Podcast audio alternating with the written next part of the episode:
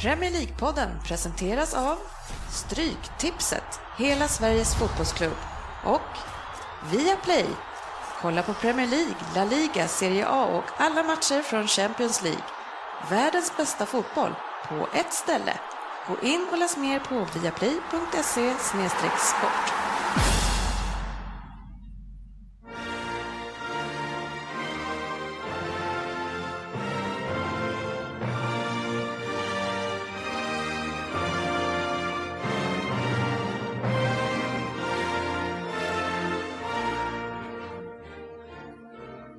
Det här är Premier League-podden, fansens egen podcast om Premier League.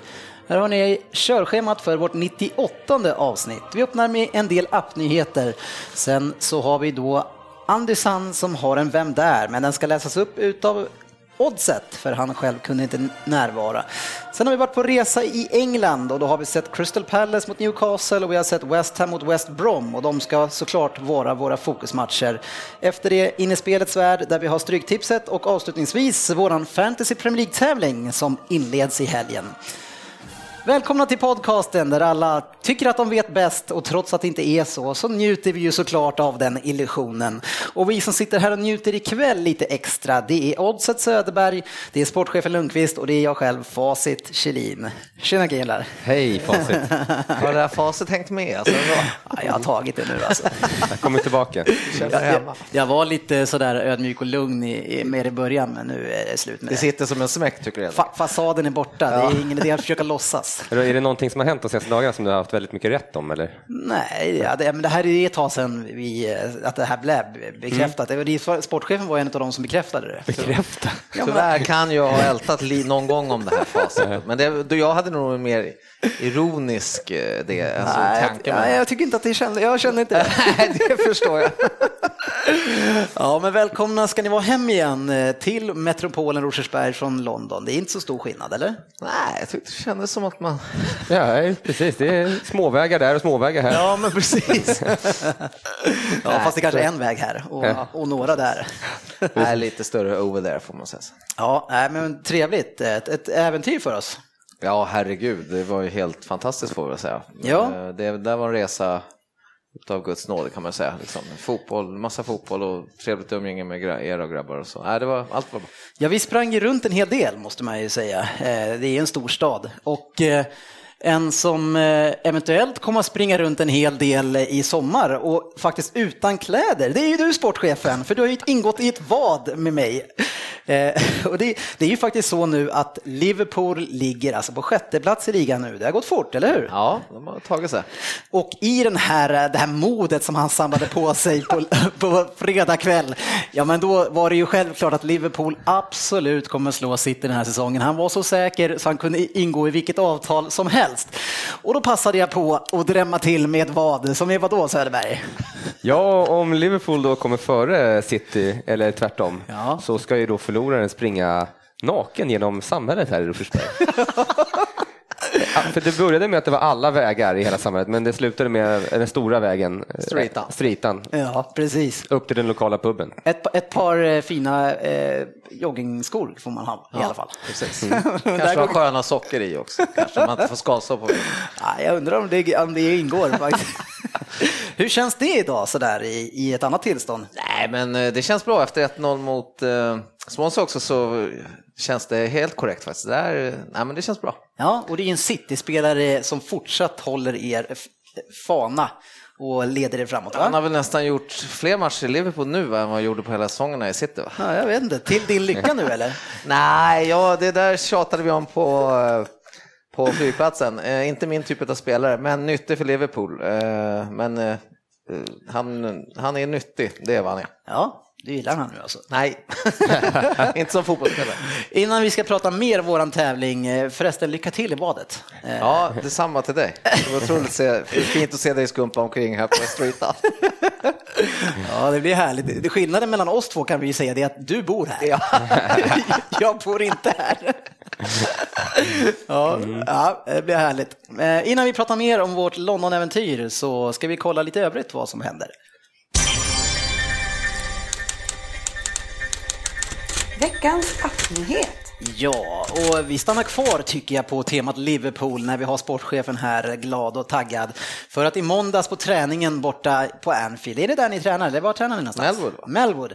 Så dök det upp en legend på planen. Ja, men precis. Stevie G var tillbaks på Ja. Melbourne Training Ground. Nej, det var roliga bilder att se. Han gick runt och mös såg ut med grabbarna och Klopp. Ja, och veckan innan så hade han dementerat att han överhuvudtaget skulle vara aktuell för att spela, eh, alltså komma tillbaka nu i uppehållet och spela med Liverpool. Eh, men så dyker han upp och eh, såg ut att ha det trevligt där med Klopp och Ja, gänget. nej, men det var ju så mycket rykten där. Först skulle han komma tillbaka och träna och så alla var ju helt säkra på att han ska spela då.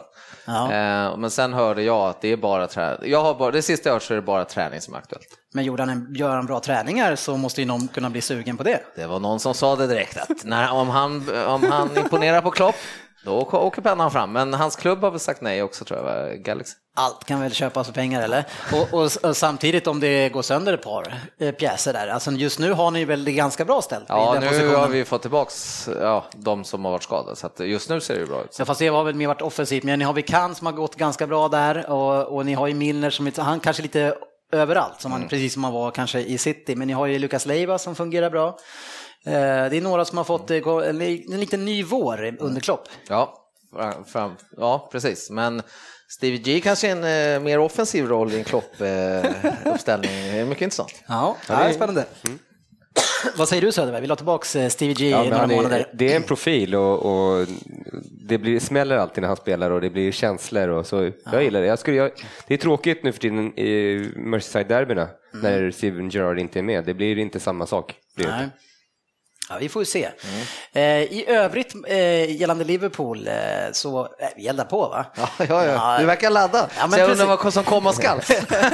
ja, men du har ju en, li- en liten viss tendens till att hugga på att City eh, spenderar mycket pengar. Ja. Eh, och det gick ut i- information nu i veckan här om att de, den klubben som har gett agenter allra mest betalt den här eh, senaste året är ju Liverpool, eh, som har betalat sjuka pengar till agenterna. Mm. Ja. Vad säger ja, du jag kring läste också det. utvecklingen?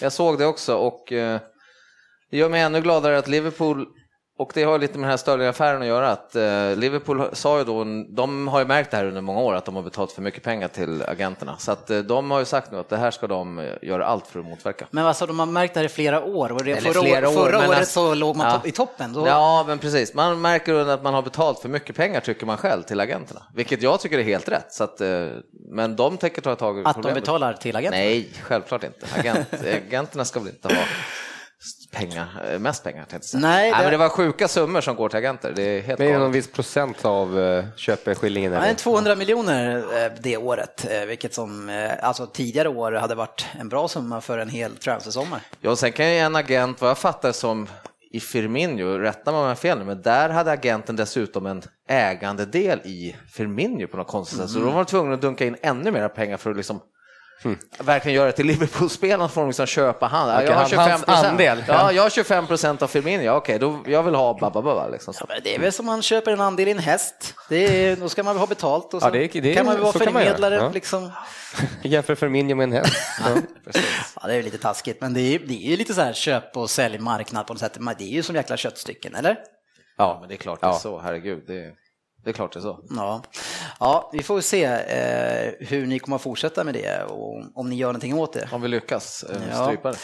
Eh, Annars så är det ett annat lag som går väldigt bra i, eh, i Premier League förutom er och konstigt nog är, ligger de bara femma eh, och det är Tottenham som har alltså sin bästa eh, streak, säger man va, av inte förluster då, någonsin i Premier League. Eh, och det är 13 stycken matcher nu alltså. Okej, ja, för de börjar med att förlora första matchen va?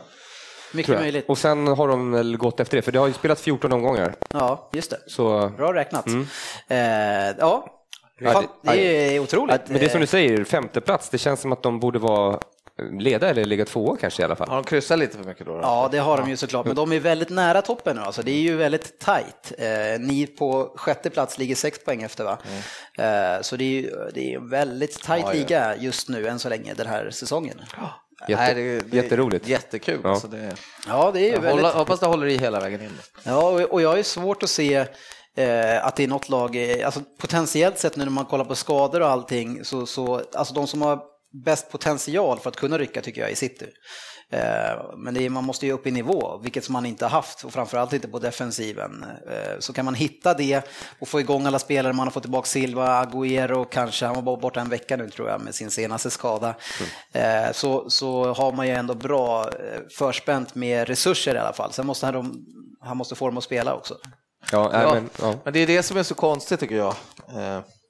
Fast det, det är klart, sil, nu, nu Silva, men eh, så här mycket skador och grejer. Men de har ju ändå hyfsade ersättare på bänken, det får man väl ändå säga. Ja, alltså bra ersättare på bänken. Mm. Så det är ju, Tycker du ändå det är konstigt ibland när kanske lag råkar för en, två skador och säger så här, men det var skadorna liksom som gjorde att vi dippade så jäkligt mm. Men vad fan, så jävla mycket ska de inte ha. Nu förstår jag åtta, sju, åtta spelare, då kan vi börja snacka. Eller ja, vi har ju haft det tufft. Eh, någon sa ju att City till och med haft mer skador än, äh, än Arsenal det senaste ja, året. Wow. Men äh, alltså jag har ju, klagar ju å andra sidan inte på det. Jag menar, det går ju ändå ganska bra. Vi leder ligan, så jag menar så, så problem har vi inte. Svårt att klaga. Precis, det kan ju egentligen bara bli bättre då. Ja, det är det jag menar, mm. att utifrån potential så skulle vi kunna rycka. Jag har svårt att se Arsenal nu med de skadorna som har kommit.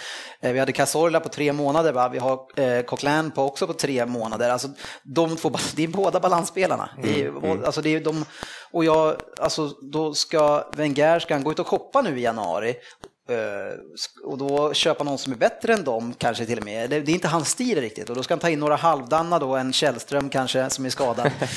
uh, jag, jag, jag har svårt att tro på Arsenal och de kommer, jag tror inte att de kan värva man kan inte värva den forwarden som blir bättre än Giroud i ett januarifönster heller tror jag. Jag vet inte vem det skulle vara.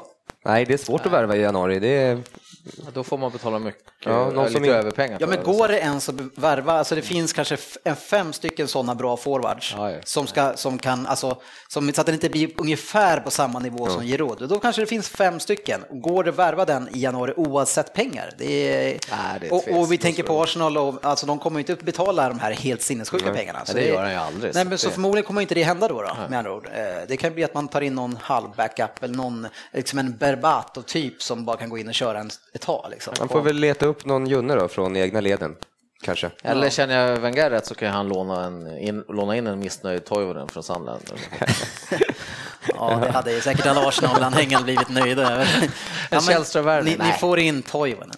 Nej. Nej. men det som är med ligan också, det är ju det här, det, det, vi, det, det, det är som du säger, det vi sitter och väntar på egentligen. Mm. Det är att ett lag ska få det här liksom tokjämna flyset och vinna fem, sex, sju matcher i rad eller ännu fler till exempel. Fan, det mm. hände ju för några år sedan, att liksom det var, ja, eller något absolut. år sedan. Liksom, men det händer ju aldrig nu. Nu, nu precis när man tänker så här, ja, två raka, ja, nu har de fått upp farten. Mm. Pang, West Bromwich borta eller Newcastle. Nej, men alltså, det kan hända vad som helst. Det är det som är så jäkla ja, En fantastisk roligt. liga mm. är det. Eh, vi har en kille som heter Robin Denise. Mycket på Dennis-tema på ja.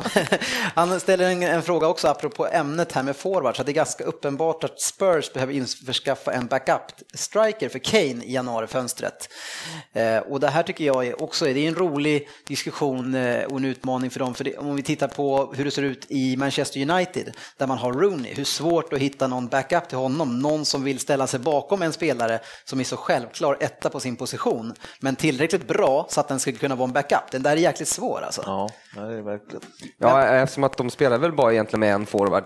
Så Precis. hur ska de, nej.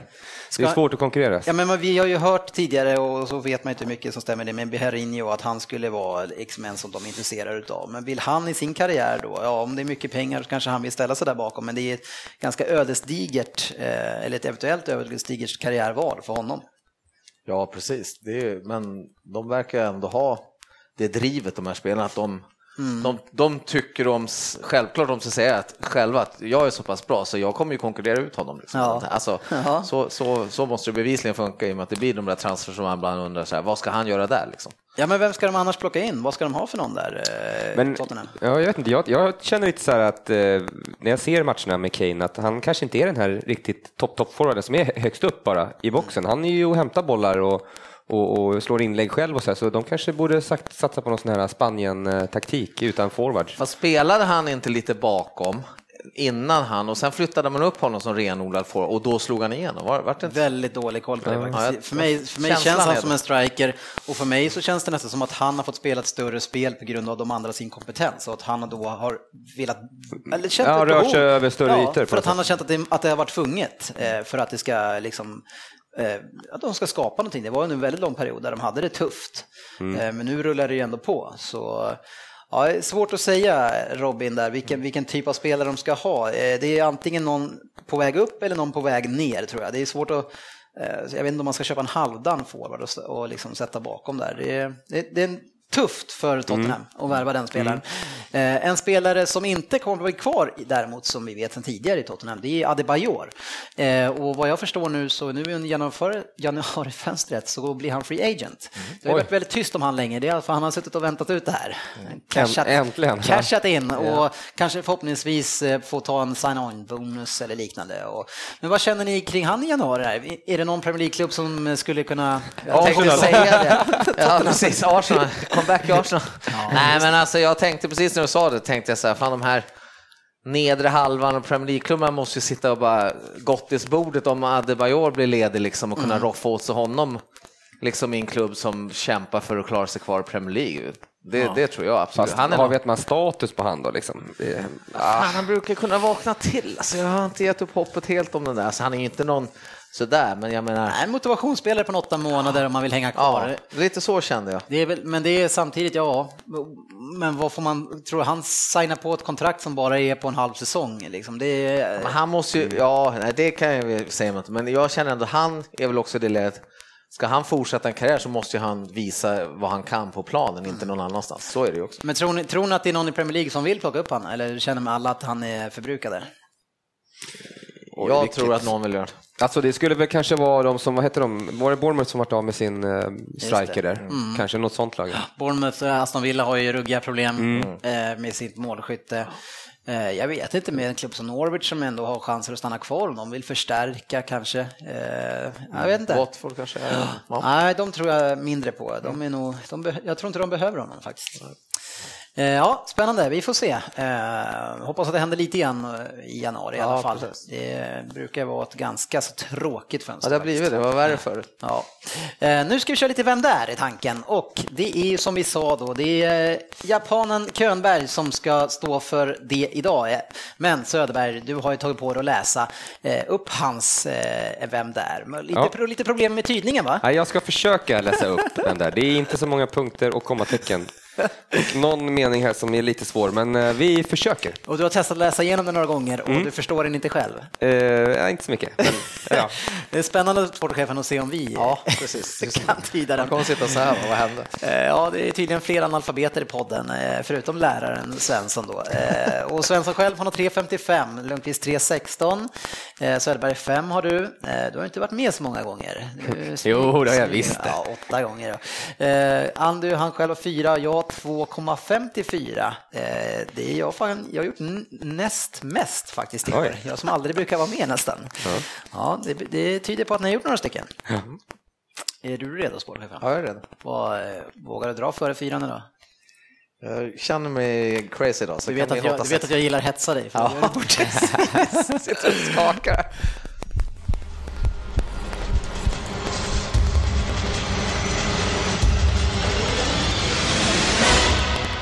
Vem där? ja. Tjena grabbarna. Välkomna hem från London. Har redan hört rykten, men de tar vi en annan gång. Nu handlar allting om mig. Och 10 poäng. I mitten av 70-talet föddes jag i staden Larn på en av öarna. Men började väl egentligen min karriär i Manchester United. Spelade i ungdomslaget med Scholes och Beckham bland annat. Gjorde debut 92 i A-laget. Men det var FA-cupen. Tyvärr. Dock så gjorde jag mål direkt i A-laget mot Bury. Fanns tyvärr en... Jag tycker det går bra. Ja. Fanns tyvärr en ryss som höll mig från A-laget, så jag sökte mig vidare. Det var 10 poäng. Jag tycker det gick bra det där. Nu ska vi se.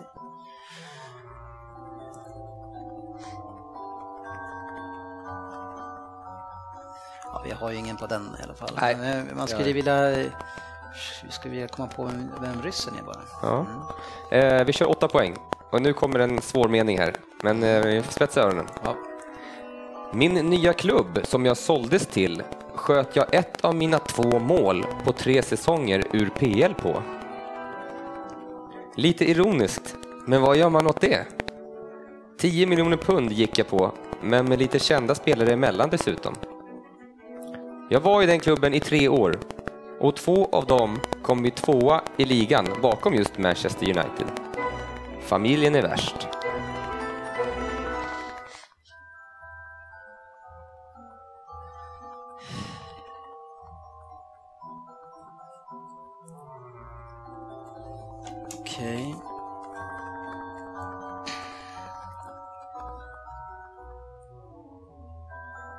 Inga vilda gissningar? Nej, jag är helt... Nej, jag har inte... Vi hoppar på 6 poäng. En av säsongerna ledde vi med 10 poäng före United, men de kom igen duktigt. Delvis för att jag var ju skadad sista åtta matcherna på säsongen. Osis. Champions League spelade jag också och där kom en av mina bästa matcher mot självaste Barcelona, där jag själv assisterade Faustinho till två av hans mål. 113 matcher och 11 mål blev det i Newcastle som ni nu har listat ut att klubben är. Det var ju en jag tänkte från början, men det... det... Eh, Ja... Ska jag chansa på han då? Det var han jag tänkte på. För... Jag tänkte på han redan på första. Men jag, jag var inte inne på faktiskt på det där Newcastle. var jag inte inne på. Nej, Eh, det kändes som att han var där länge. Nej vi går på Ah, fyra men poäng. vänta, fan jag, jag är van ta nollor. Är det inte han då? Men chans om du ens har ett namn. Ja, det är klart jag har ett namn. Eh, eh, ja, fan jag chansar. Chansar du? Bra. Ja, jag, jag har så mycket nollor. Men Ja, ja. då ska vi se. Då hoppar vi på fyra poäng. Från Newcastle gick jag till Blackburn. Hade väl en bra tid där också, men tyvärr så blev det en ligacuptitel som bäst under mina år där. 115 matcher och fem mål. Sen blev vi utlånad till Wigan. Lite skador och annat gjorde att min fart jag hade sinade lite, tyvärr. Nej då.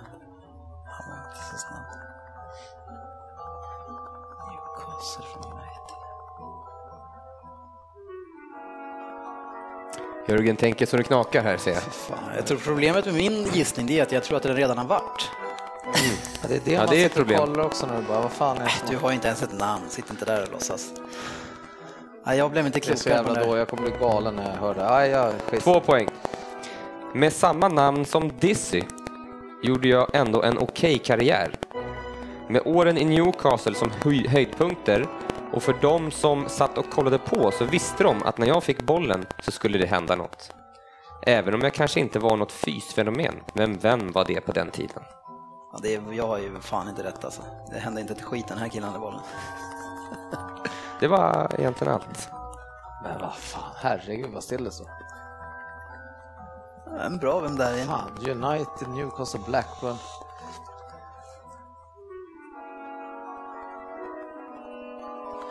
Ja, nej, jag går fan rätt. Jag är ledsen. Ja, då kollar vi an, gissar. eller Dennis, vad har du gissat? Ja, jag har ju fel. Jag, är- jag, den enda som jag vet som gått från United till uh, Newcastle är Nicky Butt, som är lika gammal som de andra. Det är fel. Ja. Oh, han tänkte jag, han hade jag som den enda så här, men fan, det måste vara en forward. Nej, jag, vad var- Eh, Nej, han gjorde så få mål. rätt svar är Keith Gillespie. Jaha, oj vad svårt. Ehm, Fältare. Ja, ja. ja. Ja, men det, ja. Han var ju talang, väldigt talangfull när han kom sen, men slog, slog han verkligen igenom riktigt någon gång? Ja, men han och, spelade inte han och McManaman på olika kanter i eh, Oh, Blackburn? att de hade Ja, just det. Eller? Mm, jo. Ja, jag blandade ihop honom lite grann med Jonathan Greening. Han, eh, han gick det inte så lika bra för. ja, men det var bra. Eh, Den, den var konstig den där meningen. Ja, Den var Ja, jättekonstig. Vill du att jag ska läsa den igen? Men jag fattar Nej. som att han slog ut ett lag som han hade spelat i, med, men när han gjorde så få mål. Ja, jag tolkar det som att, att, han, att han var en del av någon bytesaffär, men eh, äh, Ja. det är bra. Jag tycker det var bra, vem där. Igen, eh, även fast jag är nollad, men det är som sagt, det är tyvärr en jäkla vana. Nu!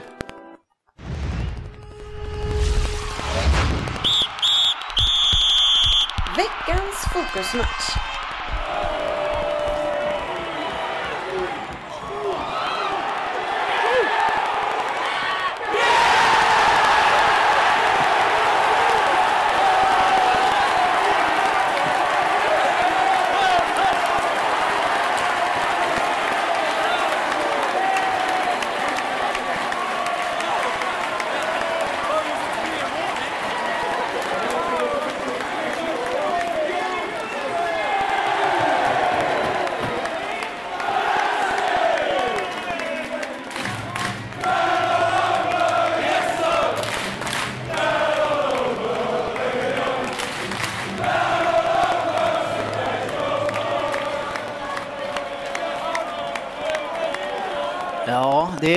Tre killar som sitter här med gåshud nu va? Ja, jäklar alltså. Fan vad härligt. Ja, Jag var vid lördags. Jag satt och njöt. Ja, eh, och vi kan berätta, jag och eh, Oddset, vi hamnade på ett ställe bredvid varandra uppe i klacken och jag hade med mig en eh, handhållen inspelare, om man ska kalla det, eh, som är en bra kvalitet eh, som vi kan höra, försök, och försöka plocka upp den här stämningen. Eh, och det var ju några fans som uppmärksammade oss och frågade vad tusan vi höll på med. Is it karaoke here? Nej, men det var fantastiskt roligt och det här det var ju alltså då i samband med ett av Bolasis mål. Eh, jag tänkte att ni som lyssnar också kanske kunde plocka upp en del känsla. Vi kommer återkomma med lite annat från publiken också. Men Söderberg, eh, många mål och, och, och härligt att uppleva det där. Eh, Ja, vi hamnar ju på perfekta platser. Alltså. Eh, egentligen på en långsida, men, men ändå i klacken på något Ja, sätt. precis. Och, och precis bredvid Newcastles klack också. Ja, mitt emellan kan man Ja. säga. Vi stod i skottlinjen mellan dem. Ja, det gjorde som, vi. som faktiskt som svenska, som vi i Sverige är, neutrala liksom. Men ändå eh, en ganska hetsk stämning, men inget, inget hotfullt egentligen på något sätt. Det var mest bara slagord liksom. Sådär. Ja, alltså det var väl hotfullt i form av att det var en fem, sex stycken som stod hela matchen vri, vriden mot varandras klack och, och sa kom hit, kom hit, kom hit, kom hit. Men sen så hur mycket det Nej. var tanken att det skulle leda till någonting, det var en annan. För han bredvid oss, han, han gjorde ju några gester också väldigt ofta, och det, men det känns som att han stod och flina åt det. Ja. På något sätt. Så Ja. det, var, det var på en skön nivå. Jag kunde inte läsa av dem som var 50 meter bort, om det var lika skön nivå på dem. Men eh, det var, en, det var en upplevelse i alla fall att stå exakt just där. Ja, det var det verkligen. Det var det verkligen. Ja, eh, men innan eh, vi landade där så eh, skulle vi ta oss ut till arenan. Sportchefen, var, var ligger Crystal Palace arena någonstans? Ja, men det är ju södra, lite söder, södra London får man säga. Va? Man Ja. tar sig till Norwood Junction, heter det va? Ja, jag tror min... Ja, och så kliver man av där, knallar vidare upp för gatan Precis. Och hittar en, eh, vad ska vi säga, ett hus, ett vitt hus där det stod, eh, heter det inte Victory? Ja, en villa. En villa kan man säga, en ombyggd villa till en eh, pub då, som många Crystal Palace-fans verkade vara där och ta en öl in, en in. Det var ju lugnt och städat där inne. Jag hade, jag hade förväntat mig, förhoppats på lite mer sång, men ändå en, härlig, en härlig atmosfär ändå. Man kliver in och så är det världens största pub och sportbar där nere. De måste ha byggt ut under den där, in på grannarnas tomt och allting med den där undervåningen. Alltså. Ja, Det var stort. och det var ju härligt folk där inne. Alltså, det var ju allt från eh, kanske 18-åringar till eh, 80-åringar, om Ja. inte mer, 85. Jag hamnade bredvid en gubbe där som var 80 kanske. Ja, men precis. Ni samtalar lite. Och, och ja, jag frågade honom vad han trodde lite om matchen och sådär och, och det enda orden jag hörde det var fuck i varannat ord. och eh, jag bara, ja men det, det är bra så här. Men han var ju en riktig gammal eh, supporter, det såg man ju på honom. Han, var, han har hållit- Inte minst på varit att Sellers. fatta 80. Ja, precis. Ja, men han, han var ju eh, liten. Ja, och sen så när man har gått, går vi därifrån och dyker upp så är det det här ganska låga tvåvåningslandskapet med hus och så dyker arenan upp mitt i Mr. Botsas-området. Så jävla på ett härligt sätt. alltså, Eh, På ett helt annat sätt än vad man kan se de nya arenorna. Eh, Ja, I alla fall om man ser Sverige. Alltså, och- monster, precis. Ja. Eh, otroligt härligt. Eh, och eh, matchen då, då eh, som eh, ni fick höra lite grann stämning, eh, alltså inför den så Crystal Palace hade inte vunnit hemma mot Newcastle, eller, eller överhuvudtaget tror jag, på cirka tio matcher. Alltså både borta och hemma. Så det här var ju liksom Eh, utifrån det så var det ju en, en liten uppförsbacke för dem att möta dem. Eh, kanske inte att vi kände så när eh, det var dags, men eh, och dessutom Matchen slutade ju 5-1 och man hade inte gjort mer än man hade inte gjort fem mål överhuvudtaget i Premier League på cirka 40 år. Oj. Så jag menar, det var ganska många murar flyt vi har, ja, så långt som vi var där liksom. Ja, precis. Eh, Vi spelade, försökte spela in lite grann också när vi var där. Körde lite uppsnack och lite mellansnack och lite där. Vi tänker att vi ska försöka klippa in det här Eh, och så får ni ha överseende med att det är lite brus och ljud och sådär. Men det är lite stämning. Spännande. Ja. Hur är annars eh, första intrycket utav arenan? Den är flack. Vi, vi sitter ju ganska högt upp, men det, det är ju väldigt långt. Det, det, det borde byggas lite brantare kan jag tycka. Ja. Men eh, absolut, det är väldigt mysigt. Det är, ett, Genuint. det är långt tak hela vägen uppifrån som eh, gör att det blir, känns lite instängt.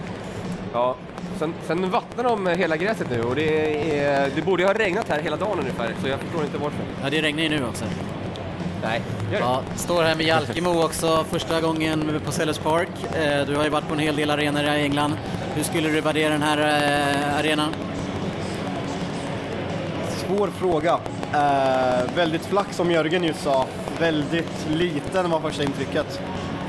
Eh, det blir intressant att se stämningen sen. Man har hört mycket gott om Crystal Palace supportrar så det ska bli väldigt intressant att se när matchen kommer igång. Kring matchen här nu då, så är det ju så att Alan Pardew får möta sitt gamla Newcastle. Var ju väldigt utskälld när han var där i slutet. Tror ni att, det här, att han ser det här som en riktig revanschmatch? Ja, det är svårt att säga, men, men, eh, men att han var utskälld i Newcastle var ju helt fel, för att han är ju eh, bevisligen en bra coach. Men det är, bara, det är, det är, det är Newcastle som klubb som är katastrof, tycker jag. Vi, eh, jag tror absolut att Alan Pardew är väldigt sugen på att slå Newcastle. Han var ju väldigt ifrågasatt av framförallt fansen som startade många kampanjer mot att han just skulle få sparken och eh, det är väldigt mycket eh, redemption för honom att han har gjort det så bra i Crystal Palace och jag tror verkligen att han är sugen på att slå Newcastle och sätta dem på plats idag. Ja, jag får en känsla av det också. Det känns lite grann som Newcastle är verkligen ett motivationslag som de har varit egentligen sedan Tony Pulis tog över det här laget. Och nu dessutom när de får en sån här extra boost av Pardew, han får möta sitt gamla lag. De vill kanske hjälpa honom. Om någon står bakom honom så kan ju vara det ett skäl till att Newcastle kan få det riktigt jobbigt här idag. Jag tror också det. Newcastles eh, egentligen hela säsong så tyder ju ingenting på att de ska kunna vinna idag. Crystal Palace hade visserligen ett bottennapp senast mot eh, Sunderland men på hemmaplan har jag mycket svårt att se att Newcastle ska få något ur det här. Ja, vi såg ju matchen mot Sunderland och då var det ju faktiskt så att man var det bättre laget. eh, Men eh, att, ja, Sunderland eh, snodde nästan med sig de där tre poängen. Ja, lite på grund av Scott Dan. Ja, eh, det ska bli otroligt spännande att se och, och försöka analysera också det här Newcastle som vi har pratat mycket, väldigt mycket om ska vara väldigt själlöst och se hur de agerar över hela planen. För det är en grej att se genom tv-skärmen just där det händer vid bollen, men att se hur spelarna beter sig utanför spelet. Verkligen. Jag har egentligen bara sett Newcastle en, två gånger den här säsongen och mot eh, i derbyt mot Sunderland så tycker jag faktiskt att de gör en väldigt bra första halvlek som jag pratade om i podcasten. Och eh, det ska bli intressant att se hur de agerar nu när man ser hur de rör sig över hela planen. Om det verkligen är så själslöst som, eh, som det har spridit sig i hela England egentligen att de, att de har agerat den här säsongen. Ja, eh, lite så lät det när vi skulle prata upp den här matchen på läktaren. Och, och starten i matchen, som jag upplever ändå, så börjar ju Crystal Palace bra i det här. Eh, Newcastle ligger lågt, men eh, via ett inlägg från kanten så kommer Cissé, tror jag, eh, ganska enkelt upp på bollen och nickar in 1-0. Eh, kändes väldigt oförtjänt då, va? Det vart Ja. jubel. Ja, det var ju deras första egentligen offensiva anstormning, eller Precis. sk- kraft. Men, Ja. Och, de försöker väl ställa han offside tror jag och det vart misslyckat. Ja. Vi fick ju inte se några repriser. Ja, det är svårare för oss i, i det här fallet, ja, eh, när vi står på arenan, men, men eh, som upplevde det väldigt oförtjänt. Men ändå där, strax efter, tycker jag ändå att Newcastle får ett litet boost eh, och lite momentum tack vare att man får det här ganska oförtjänta målet och är ju hyfsat med i matchen där under några minuter i alla fall. För jag menar, det är ju ungefär så kort tid det är. Ja, och det skapar en fantastisk stämning på, på läktarna när Newcastle gör mål, för då, då får ju igång hela Newcastles och, och även Crystal Palace då. Ja. Och, eh, vart det fantastiskt. Då blir det ju det här läktarbattlet Ja, men liksom, som man vill ha mycket mer. Alltså, Newcastle, de var ju så jäkla glada och sugna, för Ja, det var ja. otroligt mycket Newcastle-fans där. Alltså, Mm. All eloge till det här fantastiska alltså, fansen som de har där uppe som åker ner. Alltså, de, har, de har så mycket folk alltså. Ja. Ja, det är helt otroligt att de fortfarande följer med på sådana där Ja, matcher. de var ju så glada där, de känner här brukar vi vinna och nu börjar vi bra igen. Eh, och det var lite tyst hos oss. Och Andy, vi satt ju ännu längre mot dem så att säga, så att vi såg ju bara, du vet, de stod, det var ju av med tröjor och det var ju dans och det, de, de fick ju sån segervittring där så att det var liksom, tänkte det här är ju klart liksom. Ja, eh, fantastiskt. Eh, Men eh, efter det här sen, vi ska säga att den här första halvleken slutade 3-1 till Crystal Palace och, och det var ju egentligen så att vi har ju Bolasi och vi har ju Zaha i första halvleken som mer eller mindre så gör de precis vad de vill mot Newcastle, skulle jag säga. Ja, jag är förvånad över alltså, Zaha, hur lätt han fick eh, gå förbi. Och, och liksom, för han är ju kanske inte världens bästa, men så här när man tittar på det i verkligheten så, så får man en helt annan uppfattning om det. Ja. Jag tycker han ser mycket sämre ut på TV, men här var han ju bättre alltså.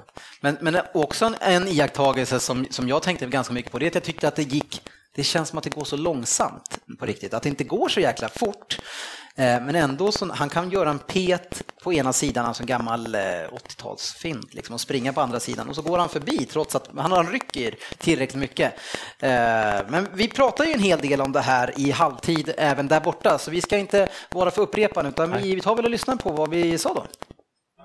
Ja, vi, står, vi har alltså klivit ut i eh, läktargången, eller vad vi ska kalla det, arenan här i halvtid. Eh, Crystal Palace leder med 3-1.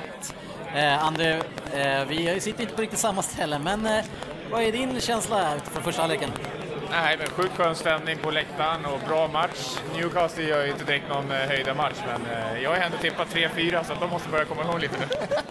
Alltså jag, jag tycker det slår en eh, vad som problem, alltså det finns säkert massa problem med Newcastle, men det är verkligen ett lag där alla spelar för sig själva. Det är inget, alltså vi brukar prata om att City inte är ett lag, det är men det här är det största enmannalaget jag någonsin har sett.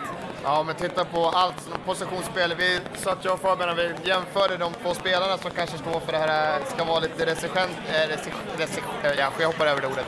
Försöker styra spelet. Så det- Regissörer.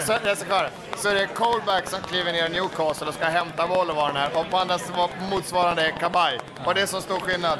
Jag menar, Colback gör ju katastrof 45 minuter. Han dräller ju med bollen hela tiden. Han är i noll koll alltså. Men alltså i varje anfall när, New, eller när Crystal Palace ska gå framåt så de får ju bara kliva fram till eh, Newcastles straffområde hur lätt som helst alltså.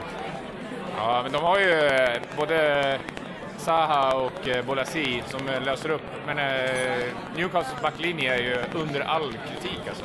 Men samtidigt så de får ju komma fram där jäkligt lätt mot dem och Zaha får ju utmana sin ytterback ensamt nästan hela tiden. Zaha mot dammet, det kan han ha drömt lite eh, underbara drömmar om igår natt. Att möta honom på vänsterkanten. Och det, det som är kul nu när man ser det här live, det är att vi har pratat ganska mycket om deras yttrar, hur bra de är. Eh, vi har pratat om punchen, men nu ser man verkligen Bolasi och Zaha, att det, där har man ju den stora klassen offensivt. Ja, men de har ju roligt eh, tillsammans, det ser man ju från eh, första början liksom. Och det verkar som att de har hittat varandra, varandra, varandra. varandra. Till landspelaren Kabay också. Och MacArthur. Ja, han, men, alltså är är det han som är balansspelare längst bak? Han varit riktigt bra alltså. Ja, I början var det ju Kabay som sjönk ner hela vägen och MacArthur var ju det offensiva. Men ja, MacArthur har gjort en bra match. Han känns ju som en halvt oskön spelare i vanliga fall. Men jag tycker ju en rättvis fråga vore ju till, eh, till Fabian har jag är intresserad av att fråga. Zaha, varför fick han inte mer chans i United egentligen? Jag och Pers satt faktiskt och pratade om det här, men eh, vi kom fram till att eh, han är bra i ett lag som Crystal Palace, men eh, beslutsfattandet är ju sämre än eh, både Nani och eh, Memphis Depay tillsammans. Så, av den anledningen så spelar han här i Crystal Palace och är hemma i mitten av tabellen med Liverpool. Han känns inte som en eh, Louis van Gaal-spelare direkt. Nej, inte direkt. Van Gaal sa ju när han kom till United att hans enda chans att spela anfallare och eh, han är ju bättre på en kant, absolut. Men det, man- det jag slås av när han möter dammet hela tiden, det ser inte ut som det går så jäkla fort alltså. Men jag tycker med just accelerationen att se så han spela, hur han springer. Man tycker han springer hela tiden fort och sen kan han ändå lägga in den extra växeln. Då får ju så dammet ut som fan, det, det är jag som springer där ute. Ja, men det är det jag menar, det ser inte ut som det går så jäkla fort, men ändå så går han förbi sjukt enkelt. att det går fortare man alltså, själv. Sen, eh, vi, jag, vi, jag hajar till lite när vi ser Wickham starta, men alltså ha en sån som Wickham när du har killar runt omkring som Boyasi och Zaha. När, han, när de kan slå tre, fyra raka långa på honom och han vinner ju 90% av de här bollarna och sen variera med det här korta spelet. Alltså det måste vara så jobbigt att ha, möta en sån som Conor Wickham. Jag tycker han gör en riktigt bra första 45 och assar i ett av målen också. Alltså, det kan inte vara svårt att vara bra och möta det här Newcastle-försvaret. Nej, men det kan alltså. vara det, men han, alltså Conor Wickham gör det riktigt bra. Alltså varje gång Zaha får ju en mot en mot dammet, för att de måste ju gå in mot Wickham. Ja. Nej, Nej, dammet, det- du jämförde väl dammet med Per Svensson, gammal spelare? Ja, det är snudd på att Per Svensson kan ta hans Matchens lirare hittills är uh, McCarthy. Ma- MacArthur. McCarthy. McCarthy. Ja, lite överdrivet kanske. Han är jättebra. Men, men det är, det är jag Kolla hur mycket bollar han vinner och hur mycket han... som Newcastle-fan måste man ju vara... mittfält är under all kritik alltså. Ja, menar, hela Newcastle, det är, det är bara en enda spelare som hjälper spelare med boll hela tiden, max. Eh, så man, alltså man har ju sett Wijnaldum som har mycket boll i sig, men när han, han kan få stå alltså, ensam i alltså, ganska mycket, många sekunder utan att någon bryr sig och, och ger understöd. Men de första, jag vet inte om det var 15 minuter, jag studerade honom lite grann tänkte för att han ändå har varit några bra matcher. Alltså, jag tror han hade inte en passning rätt på de första 15 minuterna. Men det kan ju ha lite med att göra att det är ingen som visar sig i och för sig. Ja, men det är ingen som vill... Newcastle har slagit ungefär fyra inlägg. Tre av dem har det inte varit en enda spelare i straffområdet. En av dem så var det en och han nickade in bolljäveln. Det var ju... Eh, Vem var det som gjorde mål? Ja, Jan Mattis Tiseva. Jan Mats första halvlek är ändå okej. Är Ja, men också, också vara en sån offensiv ytterback med så mycket spelseger och spela ett som lag som det här. Fan Det måste vara så jävla tragiskt. Alltså det måste vara så jävla jobbigt. Att Men- vara, jag vet inte hur given han är i ett, i ett landslag, men att så, vara så bra, att ha så mycket i sig och spela ett sånt här lag, det måste vara så jobbigt. Första, första halvleks bästspelare måste ju vara överlägset Wilfred Zaha. Alltså, vilken jäkla match han gör. Ja, han utmanar ju och han eh, lyckas ju fan med det mesta. Så, så att, eh, Men jag kan hålla med Fabian att visst, jag tycker fort det är, han är en stor fisk och han ska vara en liten damm. Han ska inte vara någon högre. För jag kan hålla med att det beslutsfattandet han tar, han, han, det, han är ju fortfarande är han knappt 50 procent. Men samtidigt så kanske han behöver ha några år. Men man ska ju inte skriva bort honom från att spela i en, i en större damm. Mycket möjligt, men större damm. Men det är du som sa damm. Du som sa damm. Ja, helt dåligt. Jag följer bara upp ditt ordspråk. Ja, väldigt dåligt. Men han killen på det här. är... Se hur många gånger han kommer förbi, hur mycket han kastar sig, hur mycket han söker de där. Det, det är det som, alltså jag kan förstå att van Schall, om du ser tre, fyra träningar i rad han håller på så här, då kan jag förstå att van Schall bara, nej. men jag hade ju tagit Bolasi alla dagar i veckan. Ja, Han är så ja, mycket här- starkare ja. än Zaha. båda de två är ju fantastiska. Vi behöver ju inte lyfta upp den ena eller den andra. Båda de två äger ju den här matchen. De, de har ju till, tillstånd att tappa bollen också, så mycket som de gör. För att de försöker ju väldigt mycket, men tappar bollen också ganska mycket. Och sen så ger Newcastle dem tillstånd för att de kommer ju inte, alltså de ger Det tillbaka spelar ingen direkt. roll om de tappar bollen, för att det, Newcastle kommer ändå inte kontra. Eh, En klyscha här, men Newcastle har väldigt långt mellan lagdelarna. Det där är en coachkommentar. Stefan Lundqvist, varsågod. Men eh, Söderberg, du och jag har ju verkligen suttit mitt i eh, hardcore-fansen och fått känna av rivaliteten när de står och, och käftar med varandra. En härlig upplevelse. En 70-årig gubbe klättrar över oss och, och ställer sig på stängslet och skriker åt Newcastle-fans i 20 minuter att de är dumma i huvudet och att han ska göra diverse saker med dem. Och kollar inte ens på matchen. Uh, och det här händer då när Newcastle gör 1-0. Och sen eh, när de vänder på matchen, sen vänder, efter, när, när det är fem minuter kvar av andra halvlek, eller första halvlek så vänder, väljer han att gå tillbaka till sin plats. Vi får ju eh, se nu, eh, Fabian, du har ju suttit lite längre ner eh, och inte riktigt känt av stämningen. Jag sa ju det här till er att stämningen där nere har faktiskt varit en liten besvikelse. Så det ska bli intressant att flytta upp nu under taket och komma närmare Newcastle-fansen och höra, känna lite hets där. Sånt gillar vi. Ja, det ser ju spännande och Shirin ska ner och kolla lite grann längs med banan och se spelet. Eh, Ja, ett, eh, ja men det, det är lite som att för oss som upplever gamla minnen att lyssna på oss själva faktiskt. Ja, det, man, man låter ju bra rolig alltså. Det låter ju lite grann som att vi har sjungit upp, eh, tycker jag. Det låter lite som att vi är lite slitna på rösten. Ja, jo. Det har varit en del sjungande där i klacken kanske. ja, både i klacken och överallt. Ja. Ja, lite på andra ställen också. Eh, Vi, vi ska ju inte prata, vi har ju redan sagt en hel del tycker jag om, om just det där. Men vi pratar lite grann eh, eh, efter det här, jag och Svensson, kring Wickham som man inte såg så mycket i matchen. Eh, Men som jag ändå tror utifrån att vad han spelar, man, man jämför honom med en, en Harry Kane som vi pratade om innan, att han tvärtom håller sig väldigt centralt och gör sig jobbig och är stor och stark där, vilket som ger de andra på kanterna kanske mer utrymme då för att de kräver en, två som håller koll på honom. Så jag tror att han, trots att inte han har gjort så mycket mål, jag tror att han fyller en viktig roll i ja, Crystal Palace. Absolut. Ja, men det gör han. Jag, jag har varit jätteimponerad av honom faktiskt. Jag, har all, jag tror liksom inte jag riktigt uppfattat honom. Han har inte spelat så mycket, han var skadad. Men, men jag var jätteimponerad och precis den rollen som du säger han har och ska ha också antagligen. Och sen självklart vill jag knoppa in den någon gång, men han gör ju jättenytta för de här småkvicka grabbarna. Han var, ju, han var ju större i verkligheten än när han var på TV. Vilken jäkla bringa Ja, alltså. han var riktigt var, ja, nej, han var hård. Ja, han, var riktigt, han var riktigt duktig tycker jag. Eh, Jag, jag säger ju där att vi, jag tyckte att Zaha var matchens eh, lirare i första halvlek, men om man ser i hela den här matchen så Bolasi alltså. Vilken kvalitet det finns i den spelaren. Och alltså, i första halvlek då har ju han en central roll och han, han kommer alltid ut och, och understödjer Zaha som han väljer som sin lekkamrat sen. Sen i, i ganska tidigt i andra, ja men då plockar man ut honom på kanten för man gör ett byte. Eh, Jag vet inte vem det var som gick ut då. det var någon av dem, ja det var Zaha tror jag till och med faktiskt, som de tog ut det lite konstigt i det läget. Jag vet inte om man ville spara honom. Men då plockar man ut Bolasi på höger, och då försvann han i en 20-25 minuter. Och man märker, alltså, sådana här spelare som är så duktiga, de, man måste ju se till att de är en, en del av spelet hela tiden tiden, för sen flyttade han över till vänster och då började Panchon spela mer med honom och då sista 15 då gjorde han vad han ville igen. Mm. Eh, Men kan, kan han vara lite för att säkra? Han är ju ganska bra defensivt också, Bolasi. Han kämpar ju Ja, som det en gör han, eh, riktig Det arbetsmyra det, också. vilken jävla arbetskapacitet Conrad kan ha. Så han är- Stor och stark. Och, jag menar, Newcastle-spelarna och försvararna, de kunde ju inte stå emot honom. Eh, han gjorde, det är det jag menar, han gjorde lite grann som han ville. Mm. Eh, vi, vi har ju en ny tradition nu, mera, att vi ska eh, utse matchens lirare. För mig så är det Bolasi. Eh, jag vet inte vad, ni känner.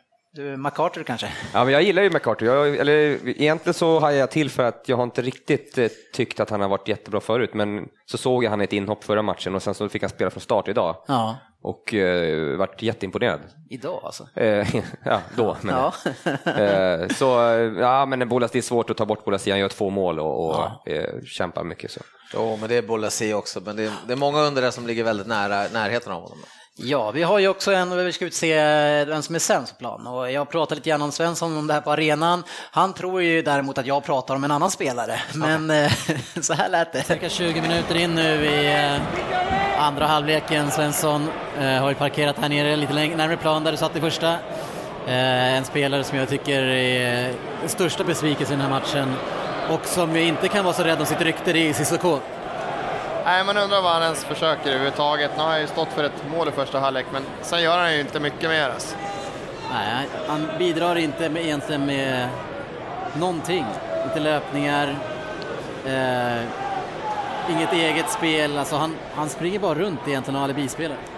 Om man skulle kunna, man ska jämföra hur hans ja, 60 minuter någonting har sett ut nu, 65, så är det ju som att se Rooney United när de ställer upp alls. Det är så långt mellan lagdelar och han försöker inte göra någonting åt problemet. Han står där uppe och bara viftar lite och gör absolut ingenting. Ja, det är fantastiskt. Jag pratar om Cissoko han pratar om Cissé. Ja, det, det där var fan stor humor alltså, fy fan vad roligt. och båda är tydligen överens om problemen. Precis, men helt olika skilda liv. Ja, men när han säger det där om målet, jag bara, var- det här verkligen han som gjorde målet? Var det inte det Cissé? Ja, men Man hörde på. att du var lite ställd där, Ja. precis, för du var så säker på CC liksom. Ja, du menar, ja precis. Nej, men, men för mig, eh, Cissoko, alltså jag, man har vi har pratat om honom som en spelare med, med mycket kvalitet som skulle kunna landa i de stora eh, lagen. Och, och se han på den här planen, alltså, alltså som Newcastle-fans, jag skulle gråta och åka ner dit och betala massa pengar och se det där eländet alltså.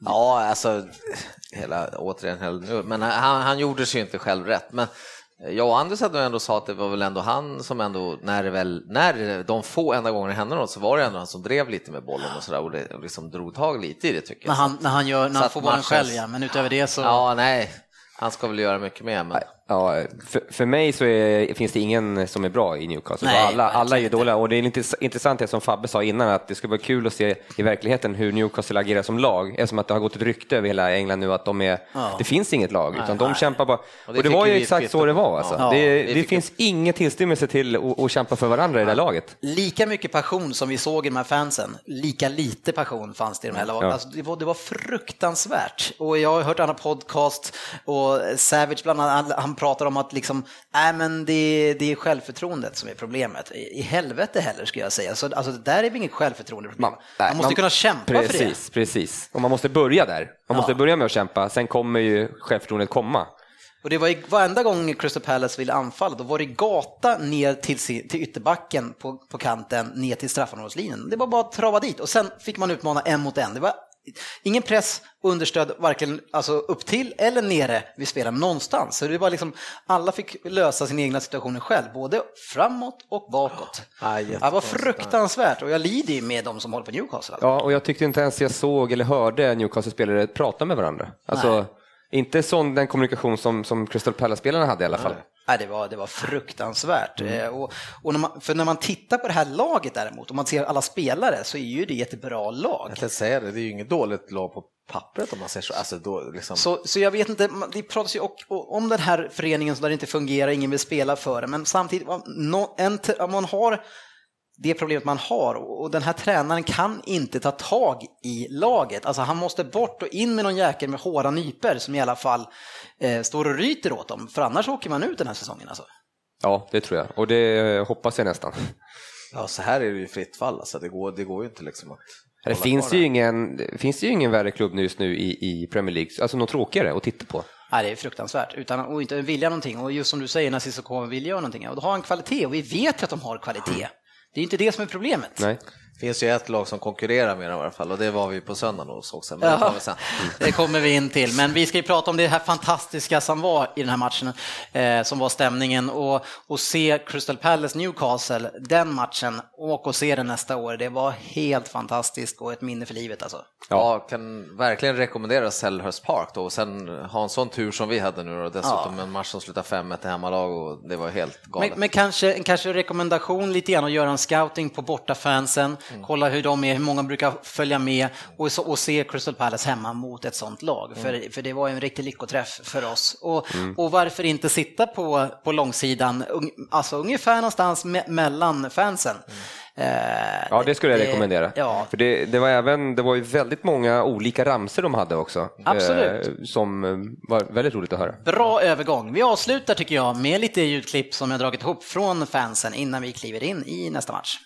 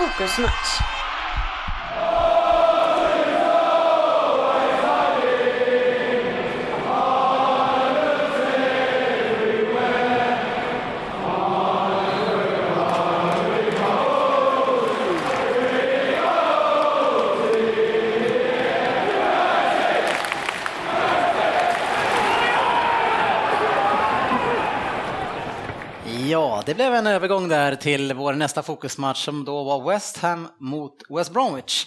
Eh, och man kan väl säga, alltså om man eh, man kan väl säga att vi kom in med ganska mycket förväntningar från en ganska bra match stämningsmässigt sett. Eh, så det var svårt för den här matchen att leverera på det.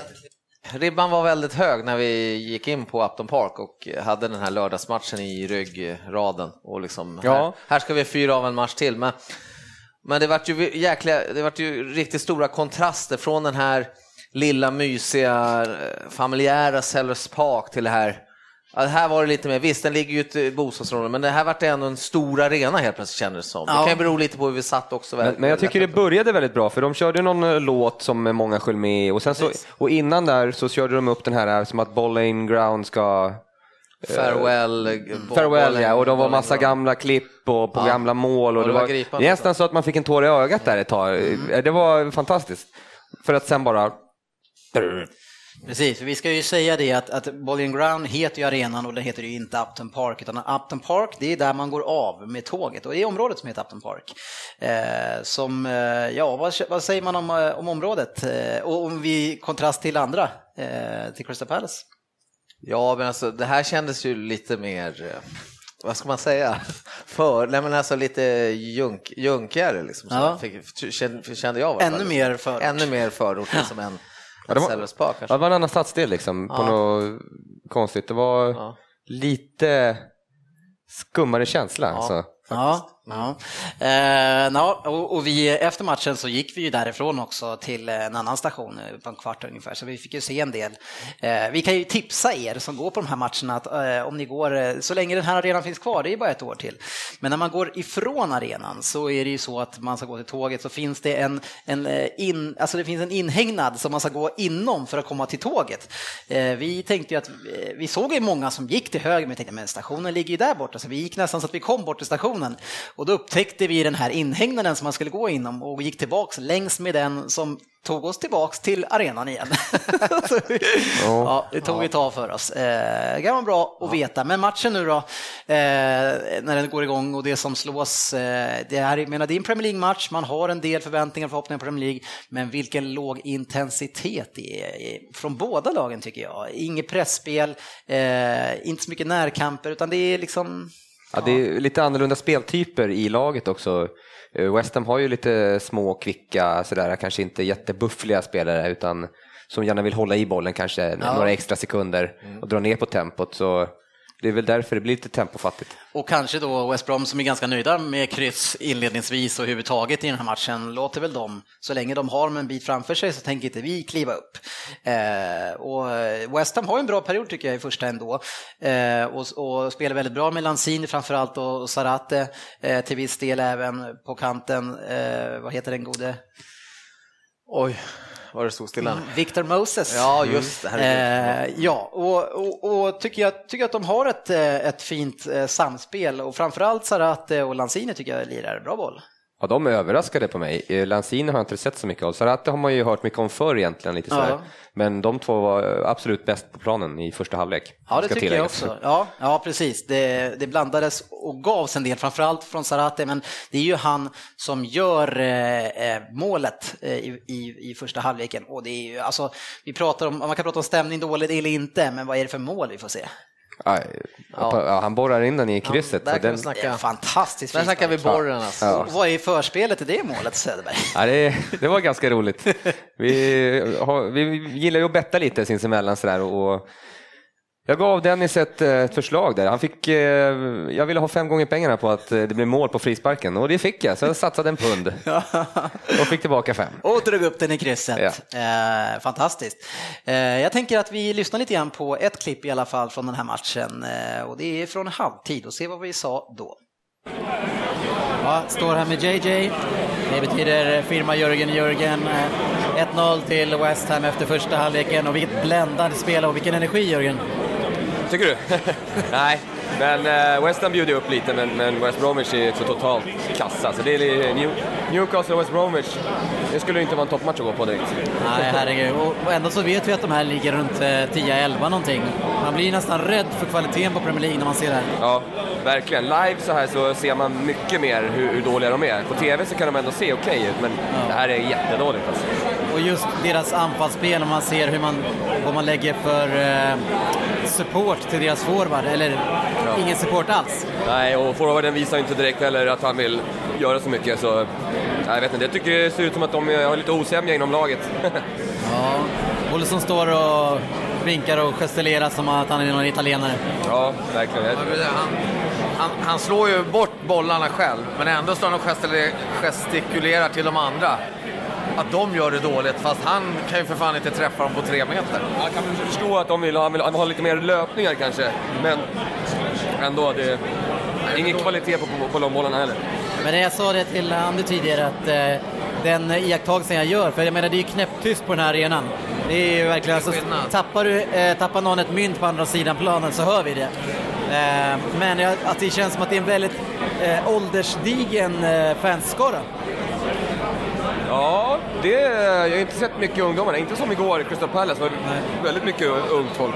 Om man kollar det på kortsidorna och sådär, där man normalt sett ställer mycket fans, det är mycket äldre. Ja, faktiskt. Nu när du säger det, så bra reflektion. Det var... Så, det, så man, det var elakt som man säger, det är ett, ett utdöende, Ja. ett utdöende fans. Man undrar ju vad de ska göra på en stadion som rymmer 80 000 pers nästa år. Ja, det är väl tufft det för att alla de yngre, alltså yngre människorna, de kanske väljer Chelsea nu som lag som har varit så bra de senaste åren och så här lag kanske får svårare. Ja, kanske svårt då att förnya för, för yngre fansen. När- Men i en, i en, i en stad eh, som London där det finns Tottenham, det finns Arsenal och det finns Chelsea så är det nog väldigt svårt. Ja, nej men absolut. Det tror jag också. De, eh, de måste nog ha svårt att återknyta nya bekantskaper. Ja, nu är det rolig sportchefen. Han är van vid mikrofonen. Han vrider huvudet eh, 180 grader så man får hänga med med mikrofonen. Eh, jag har ju tippat 1-1 i den här matchen. Eh, Craig Gardner, sista målskytt, han är inte ens på planen. Men blir det 1-1 så då drar jag in en hel del cash. Det är intressant. Jag sa faktiskt också 1-1, för jag tror ändå inte West Ham, får de inte in den nu, så tror jag att de ska vara lite oroliga, för de kan nog fan peta in den tror jag. Men det borde kanske ha stått 2-0 i alla fall i eh, halvtid. Ja, verkligen. Det, det, det har väl varit några målchanser i alla fall, men inte jättemycket klara. West Bromwich har ju Ricky att sätta in också om det skulle behövas. Ricky Lambert. Han, Lambert. Lambert. ja, var kom han ifrån? En succéspelare? Ja, han är ju ett eh, Liverpool-förvärv, så att eh, han kan nog komma in och ändra matchbilden. Liverpool har ju värvat några spelare de senaste åren. Jo, det har blivit några med Brennan vid rodret där. Ja, nu eh, dricker vi upp eh, vår gammal sponsor eh, öl och så går vi och kollar på en andra halvlek. Ja, vi hoppas att de flyttar fram positionerna lite, West Bromwich, så att det, det händer lite mer. Alltså jag ser gärna en dålig match, men intensitet. Nej, precis. Det är det jag vill ha i Ja, England. Man sitter nästan och dåsar liksom till för att det är så jävla dålig nivå. Man vill ju ha det här liksom att det ska... Ja, Men det får vara dåliga de vill, bara de visar att de vill någonting. Ja, men precis. Absolut. Nej, kom igen nu, nu laddar vi. Jag laddar på här. Och, och alltså sportchefen, ibland så är det sådär så att det låter som att du ska i efterhand vara duktig professor, men eh, La- Lambert, där hade du koll på läget för det var han som gjorde 1-1. Ja, precis. Jag satt precis och tänkte det här, man står och gapar med 1-1. Ja, så har de ju Lambert som kan komma in och förändra matchbilden. Ja. Mycket riktigt, 1-1 Ja, fem minuter senare. Det är bra ibland att spela in innan, Ja. så man, de gångerna det faller ut. Exakt, exakt. Men hörru du, eh, West Hams arena, ska den ta 80 000 säger du alltså? Give or take. Kan, eh, kan, plus minus, eh, minus, mest minus noll då. Plus minus 20 000. Ja. Ja, jag vet Vi ska säga det, de ska alltså flytta till den gamla O, eller den som var OS-arena va? Precis. Eh, Och när du ändå är inne på kunskapsspåret här, vart i London ligger den? Oj, oj, oj.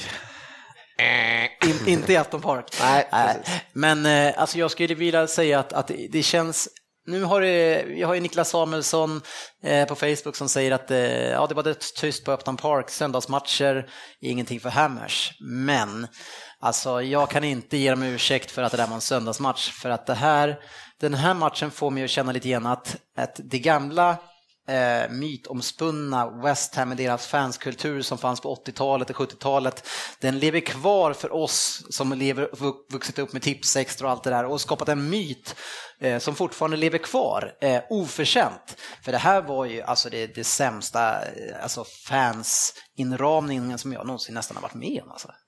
Ja, nu har sig inte jag varit på så mycket i, i Sverige, så där, men jag kan ju tänka mig att kanske BP inte har, har, har bättre än, än vad West Ham har. Ja, det är frågan om. Men alltså. ja, jag vet att de har det alltså. Att BP Ja. har det. Men, ja, ja, men, alltså, men sen har jag en liten teori att det, det var väldigt mycket turister där.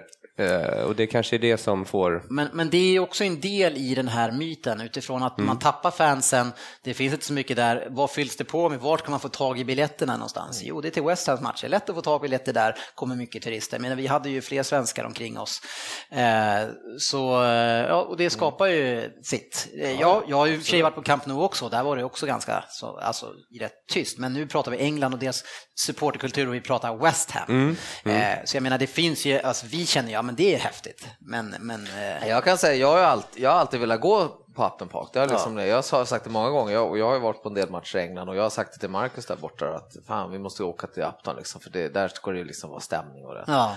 Men jag var jättebesviken måste jag säga. Och kan det- även söndagsmatch eller inte, alltså det, det bryr jag mig inte om. Det, ska, Nej. det måste ju herregud kunna höjas lite och sjungas ändå. Det blev ju inte en stämning efter man gjorde målet. Det var ju bara liksom man hurrade efter målet och sen så bara dog det ut direkt. Ja, de spelade ett måljingel i högtalarna och, och det är lite sådär, det är lite falskt eh, på något sätt att de vill få upp, eh, det var lite publik typ som applåderade egentligen och, och sjöng i, i, i, i högtalare. Det blir, nej. Ja, tråkigt. Vi, så, på samma sätt som vi kan rekommendera första Sellers Park så rekommenderar vi verkligen inte att man går till Upton Park. Nej, så tuffa det är klart det att, de, vara. det är klart att om det är ett London-derby så blir det säkert liv i luckan, men, men det är en annan typ av eh, match. Liksom.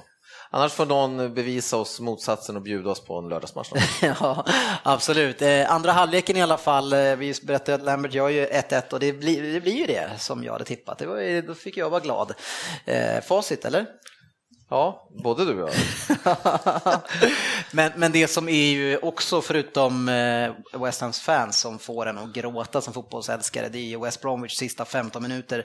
Eh, man kan se eh, i, i kanske så här utslagsmatcher i VM eller vad som helst, när ett, ett lag är, är mästare på att förstöra sista 15 minuter, bara spela av dem. Man, det tar fem minuter att gå och hämta bollen och gå tillbaka och göra ett inkast, den åkte ut igen. Oj, oj, oj, vem ska ta det här? Alltså om och om och om Ja. igen. Alltså en kvart säkert. Det vart inte ens ett gult kort för, för maskning Nej. under de här 15 sista minuterna och då ska sägas att varje frispark som gick ungefär vid mittplanen, dit skulle målvakten gå upp och ta.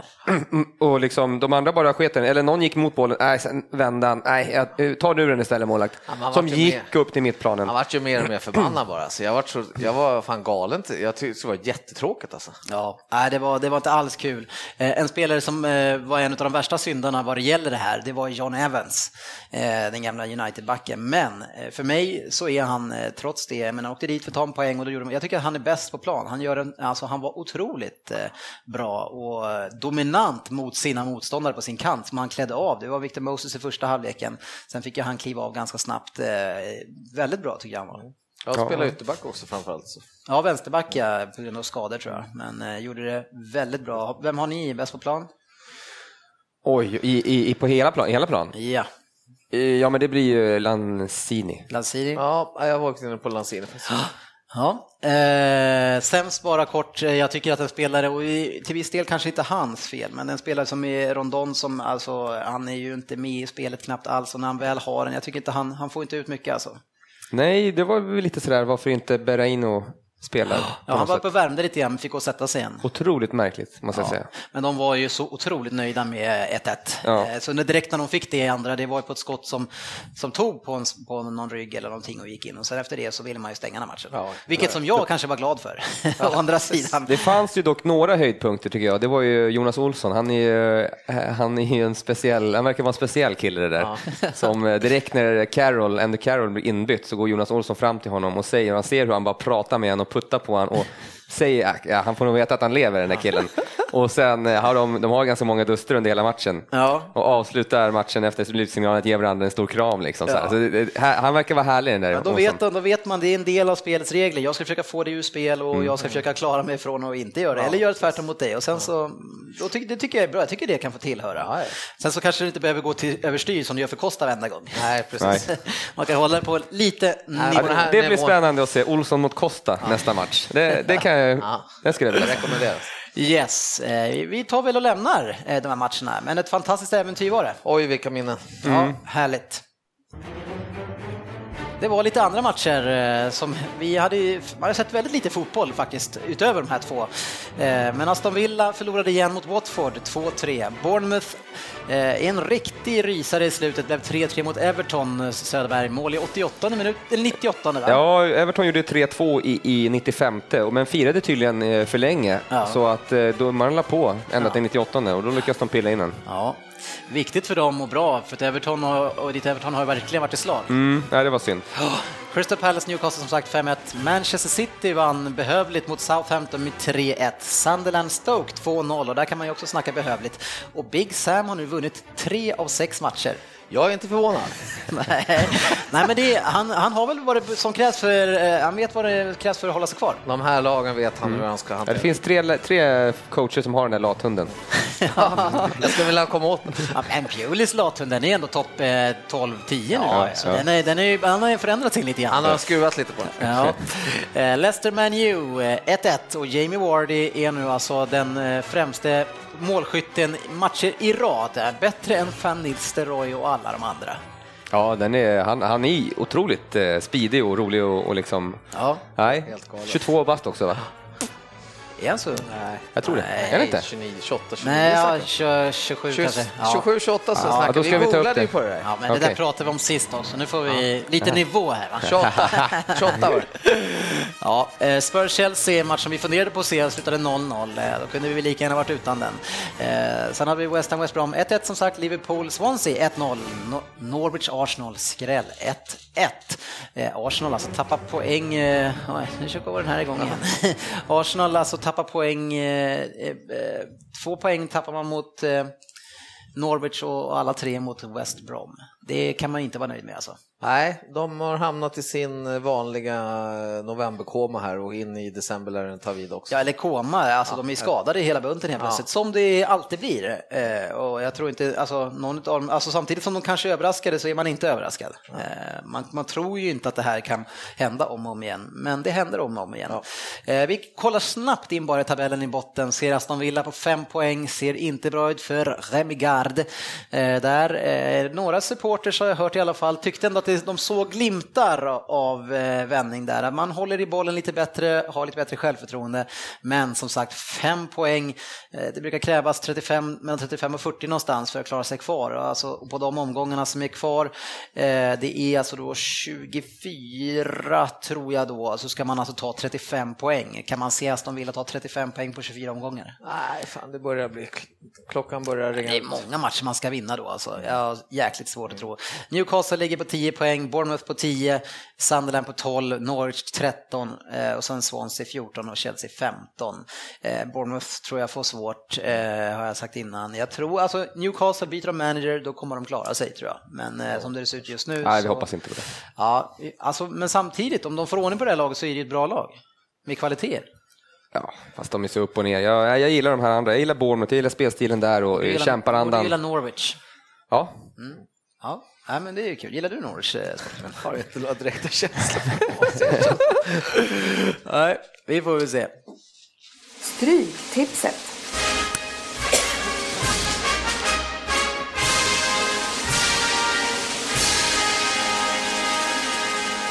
Yes, Svensson tyckte nog var tråkigt att inte vara här idag. Han är ju sjuk ska vi säga. Eh, alltså han fick hacka på mig från förra Stryktipsomgången då jag hade 50% rätt varav två var helgarderingar. så mitt system som jag lade dit där det räddade mig så jag är ju herren på täppan fortfarande. Eh, och vi ska gå igenom sex stycken matcher för Premier League och ni fick bara tre halv. Lite snålt den här veckan men jag känner ju att eh, nu måste jag ju gardera upp där nere. Nej, jag började nedifrån och upp den här gången och så fick det bli. Arsenal-Sunderland. Eh, Och det här är ju en lurig match. ja Arsenal har väl match på onsdag där sen i Champions League. Eh, direkt efter, vad jag tror. Ja, det stämmer. Eh, så att... Eh, jag, Väldigt viktig också. Ja. Och väldigt lite folk. Så svårt. Ja, nej, jag tog just på grund av skadorna och det så jag tog med ett kryss där faktiskt. Ja, det är ett spännande kryss. Jag Ja, gillar också ett det kryss. krysset. Eh, Sen har vi Manchester United mot West Ham. Eh, Ett West Ham som vi fortfarande efter 14 omgångar inte riktigt vet vad vi har dem. Men just nu när de har tappat eh, några av nyckelspelarna, Payet bland annat, eh, och vi såg dem lite grann här nu. Jag, jag skulle, alltså de, de kan inte vinna den här matchen tror inte jag. Vi såg ju Song däremot värmde upp nästan hela andra halvleken, fick inte komma in dock. Där har man ju sparkapital. Någon Alltså man får ju då med sång börja styra spelet lite mer bakifrån istället för att lägga upp den på Payet och bygga därifrån. Så man får bygga på ett lite annorlunda sätt. Eh, skulle ju kunna sluta med 0-0, men... men ja, för att United alltså, det är ju, har ju, varenda United-supporter grinar ju när man pratar om hur de spelar. Ja. Det, är, det är så tråkigt. Och jag läste senast idag ju att van Gaal på väg bort till sommaren. Ja. Som kommer. Ja, det, men det, det rösterna kanske- höjs ja. rejält. Eh, Oväntade ersättare de börjar snacka om bara. Guardiola, va? Allegri. Mm, just det, italienska. Jaha, Mm. men det, annars har det varit snack om, eh, det, Ja. det går, står ju så mycket om Guardiola och City, men helt plötsligt bara dök det upp, nej han vill till United istället. Och, alltså jag ju inte vara chockad över det, för att internationellt sett så är United en mycket större klubb än vad City är. Eh, så det, för mig skulle inte det vara så konstigt om han skulle hellre gå dit av det skälet. Men, eh, ja, Ja. men vad säger vi om matchen? Nej, men jag som vanligt, jag tror ju på United så jag spikade dem för just på grund av andra garderingar längre ner. Ja, jag gillar inte att spika dem. Nej, men det vet vi, men jag brukar älska när jag har rätt då. Jag vill ha en 1-2 i så fall. Nej, jag, jag tror inte att West Ham kan vinna den här matchen. De har ju slagit, vad har slagit bortaplan? Absolut, Alla. men, men Arsenal, som, som vi Chelsea. sa, det är lite andra gubbar nu. Liverpool. Alltså. Payet är inte kvar längre, alltså det, gör, det gör rätt mycket alltså för deras lag.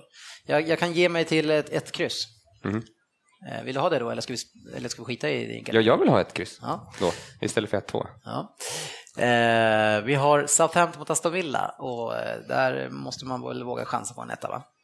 Ja, men det tycker jag väl. Alltså, jag såg lite highlights där från City-matchen och de hade en del chanser ändå. Mm. Och är ju ett roligt bolltrillande lag.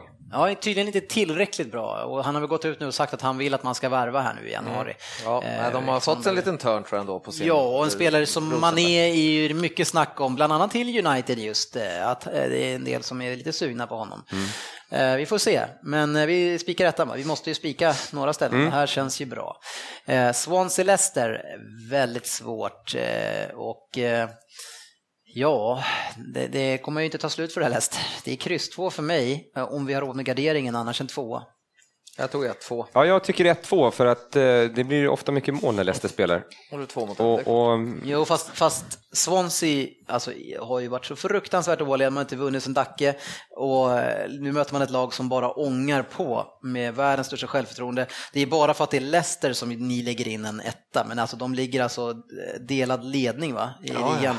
Så för mig är det Ja, men jag tycker det är en rolig ut- gardering i sådana fall. Jo, men, nej, jag tycker en roliga gardering är ett kryss och sånt fall. Jag tror inte Swansea har kapacitet just nu för att slå Leicester. Nej, ett, två. 1-2 har vi två.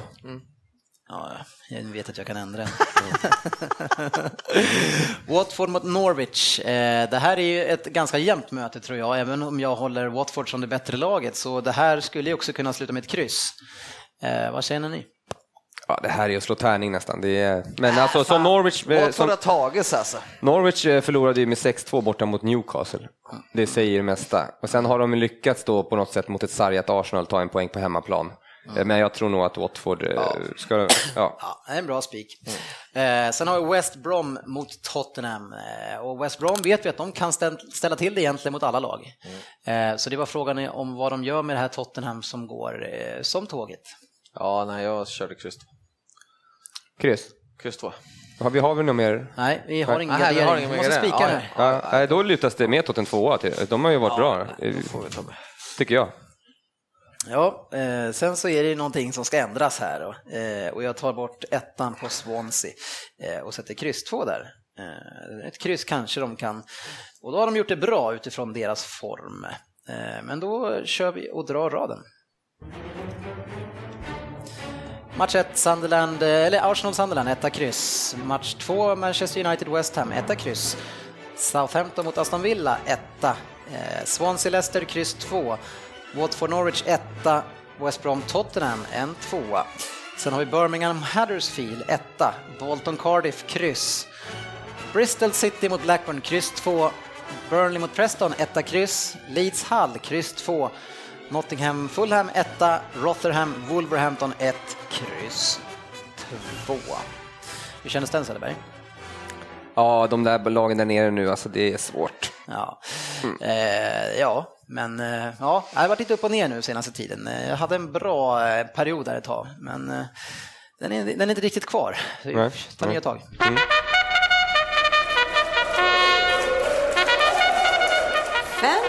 Premier League. Ja, i helgen så börjar vi våran egen eh, tävling i Fantasy Premier League och den sträcker ju sig som vanligt december ut. Fem omgångar där vi för tredje året då ska kora den som är den bästa Premier League-coachen i det här gänget. Eh, för det handlar ju om att ta ut rätt lag till just de här matcherna.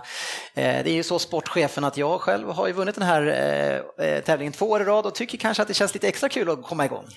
Ja, jo, men det förstår jag att du tycker och vi andra har väl med eh, olika mått eh, brytt oss om den här tävlingen tidigare år också. Men eh, Det, bru- du det brukar låta så. Ja, ja, nej, men eh, det är första gången jag tänker koncentrera mig på den här, så det ska bli spännande. Ja, det, det, jag fick inte den känslan när jag såg ditt lag. Men, Nej, men det Eh, nyheten den här gången det är ju att vi har en heads up-liga och det betyder då att det, det är alltså tre stycken matcher kan man säga varje omgång där vi möter varandra. Vi har, tyvärr så kan vi inte se än vilka som möts i första omgången. Eh, men jag tror Söderberg, du som har gjort det här, att det är tre poäng för seger och ett för kryss då, eller? Ja, exakt. exakt. Det är väldigt sällan det blir kryss. Men... Ja, det förstår jag absolut, men att det är ändå möjligt. Jo, precis. Eh, en spelare, eh, spelare, en tränare kanske jag ska säga här, Andy har ju gått väldigt bra i eh, den, alltså om man säger säsongslånga upplägget. Eh, eh, och får väl kanske ses som favorit, eller? Han har ju varit legat ganska långt för oss. Ja, Ja. ja, absolut. Han är väl med i jättetoppen, alltså det är ju jätte... han, det är klart han ska vara favorit på det här. Ja, eh, det håller jag med om, men jag är så ödmjuk så jag måste ju säga så. Ja, ja precis. Du har ju en image att hålla. Falsk ödmjukhet. Eh, Men jag tänker att vi tre som sitter här, vi skulle ju kunna kika igenom våra lag eh, och se lite grann hur vi har tänkt. Vem har du plockat in i skåpet, sportchefen? Jag har i mål Begovic. Ja, du, du tänker, du tror på Chelsea? Ja, men Chelsea är mycket, alltså nu i år kanske inte har varit så, men mycket noll, håller nollan har de gjort genom andra, andra år i alla fall. Så, här, så att målisen där får jag ju poäng då. Så för att de var bra defensivt förut någon gång så är det bra att ta målet sen nu. Ja, men jag hade, jag eh, hade ju Courtois innan Ja, jag böt in Begovic. Då, så att- Bra att det du fanns en bra att tanke. du böt. Ja, jag har ju inte alltid gjort det tidigare. Ja, jag har Peter Käck, han, är- han är bra. Ja, och jag har de Gea. Det är, där har vi storlagen allihopa. Men jag håller med dig eh, kring Chelsea. Vad har du i, eh, i backlinjen och vad har du för uppställning? Jag kör, jag kör en 3-5-2 uppställning då, så jag Ja. kör en trebackslinje. Mm. Och där har jag då återigen Cahill Chelsea. Ja, Ska jag dra alla? ja gör det. Sen har jag då Alderweireld Mm. från Tottenham. Och sen har jag då, det här anser jag vara ett litet lyckokast, jag har eh, Darmian från United. Och han är ju back, men han får Ah, ju Darmian, jag undrar vilken, Darmian, vilken förlåt. spelare var det där? Darmian. Darmian, han är en, eh, nej men eh, där, han får ju nu, har ju fått gå upp och spela lite högermittfält, lite offensivare, så det där kan bli ett lyckokast för en back. Det är Inte konstigt att det är statiskt för dem om han får spela där. Eh, Söderberg, hur tänker du? Ja, jag har tagit två Everton-spelare, det är Galloway och Funes Mori som är billiga och spelar. Men hur är det med att stänga igen i, i det laget? Ja, men det har ju- brukar väl inte vara något problem, men alltså... 3-3. Ja, men jag tycker att ändå det är, det är roligt. Vi går vidare. Ja, och sen har jag eh, Kolarov och eh, Dan. Då. Eh, Kolarov är ju väldigt, eh, väldigt poängspelare. Ja, Och Scott Dan har ju gjort två, tre mål redan hittills i år. ja du, du väljer ändå att tänka offensivt i backlinjen. Medan sportchefen tänker kanske lite defensivt va? Ja, så kan det vara. Eh, lite som jag gör, jag har ju två Chelsea-spelare och två United-spelare. Eh, så vi, vi tänkt lite lika där, sportchefen. Ja. Eh, sen på mitten så har jag plockat in De Bruyne, Özil och Barkley eh, och kör tre man mittfält bara. Jag har ju gått ganska mycket på spelschema här och storlagen har överlag ganska bra schema i december faktiskt. Mm. Ja, det, de här tre du räknar upp här, det är ju de som är självklara, som ofta spelar 90 minuter också. Mm. Så, ja. Och De Bruyne, han kom in istället för mig nu faktiskt för Sanchez som jag inte vet om han är, kommer få spela. Eh, och De Bruyne i, i ligacupen igår när City gick vidare till semifinal, eh, knorrade in en frispark, assade en, drog en i stolpen, insidan gjorde ett mål till utöver det tror jag också. Så han, och sen matchen innan det så gjorde han ju, han var ju med i det mesta, så han känns het. Är det någon mer som har plockat upp De Bruyne? Nej. De Bruyne? Nix, nix fix. Nej, vilka har ni där? Jag skulle bara, förlåt, tillägga Sanchez där, jag glömde Mm. säga. Jag läste om det då. Han är antagligen tillbaks eh, till nästa vecka redan, så att den var mildare än befarat. Ja, ja, men inte till helgen i alla fall. Nej, inte det. Nej. Eh, mitt mittfält. Ja. Lyssna på det här. Coutinho, min eh, nyfunna vän eh, Lanzini, Aib, Tadic och Hazard. Ja, ja, det är spridda skurar igen alltså. Ja, ja. Ja. Nej, Jag har tagit Özil, Eriksen och Mané, ett tremanna mittfält. Jaha, man är som, ja det kan ju också vara en mittfältare som spelar forward, det är bra. Vaket. Ja, jag kör med tremannaanfall. Lukaku som eh, känns kanske som den hetaste forwarden just nu i Premier League. Han är faktiskt min kapten. Trots att man möter Crystal Palace hemma. Det är en liten chansning. Eh, tufft motstånd. Men, eh, och sen så har jag Igalo från Watford. Watford har också ett ganska bra schema. Och så Giroud. Det är ju jävla chansning alltså. Jävla pyroman alltså. Ja, men det där gillar jag lite. Nu när du sa Lukaku där, jag tycker väl kanske att Ward är den hetaste spelaren i, i Ja. Premier League. Men, Ja. men Lukaku är ju egentligen den som får, han, ja, alltså han, han måste man ha med. Tillbaka mot dig eh, så är ju så att Lukaku tillsammans med inte Wardy, eh, det var någon annan, har varit, eh, har varit inblandade flest mål i ligan. Okej. Ja. Eh, jag har eh, Giroud, Wardy och Lukaku. Och, eh, Jag tror att det var De Bruyne kanske. Okej. Ja, Giroud tänker jag där att de har så många skador så han kommer ju få spela nu hela tiden. självklart, men han bränner ju allt. Ja, men han, någon jävel brukar han ju få in. Precis. Ja. Har du med han själv? Jag har han som eh, kapten. Ja, det är därför du försvarar han lite Mm. extra. ja, vad, vad, hur, åt vilka håll skjuter du i, i anfallslinjen då? Nej, där är det Benteke och eh, sen är det ju Agüero. Men hur tänker du kring Benteke där då? Eh, han är inte... Given. Alltså, är han, nej, precis. Nej, men han har varit lite småskadad. Han kommer igång. Han har fått lira de sista nu. Han hade, jag är inte ett dugg orolig. Han kommer göra ett fantastiskt december. Ja, men det, ja, det gäller ju att de spelar man har får spela. Ja. alltså jag, jag är nöjd med min bänk. Alltså, den är också, jag tycker att jag har fått ihop ett fantastiskt lag. Jag har Mares, Naomi Watford som är startspelare i backlinjen där och Matic också eh, som är Oj. i Chelsea. Ja, en fin bänk eller? Jo, men de får man väl ingen poäng för. Jo, absolut. Eh, Alltså Matic är i sånt fall, alltså han får poäng. Vad du menar om du får byta in dem? Ja, men Ja. alltså, precis, alltså vid Ja. skador. Så. Ja, ja. ja. Mm. Men Ja, vi, ja. vi får ju bara göra byten vid skador. Så. Precis, och skulle någon bli skadad på fredag då kommer, min, då kommer Mares in, det är väl inte så jäkla tokigt. Nej, det är inte tokigt. Men eh, kolla på det här då. Wanyama, Kouyaté och Mariappa. Ja, det var inte mycket poäng. Nej, det var tre spelarna. billiga lirare. Ja, Nej, jag vill inte ens nämna min tror jag. Nej, det känns, det känns bra tycker jag. Vi ska dra Andys eh, lag eh, rakt upp och ner. Butland har ni mål, Van Dijk, eh, Bellerin, Barkley, Deulofeu, Özil, Coutinho, Benteke, Lukaku och Wardy. Eh, det är heta spelare i hela gänget. Men Ja, jag, tror, jag tror att jag tar han på bättre förståelse för spelschemat. Coutinho är ju gulklädd här. Ja, Eh, lite småskadad. Han är Småskadad, okej. Han är Ja. Ja, hörni, eh, det får runda av det här avsnittet. Det blev ett lite längre, men det är ju special som skulle summera lite grann vår fantastiska resa som vi hade till London. Och, eh, vi pratar lite grann om att nästa gång så ska vi kanske sticka ner och se Southampton och Bournemouth kanske. Mm. Försöka klämma ihop dem i någon sorts kombohelg. Ja, precis. Det skulle vara fantastiskt. Ja, ja, Eh, gå in och eh, gilla och följ oss på eh, facebook.com League-podden. Ni kan också ladda ner vår app som heter PL-podden.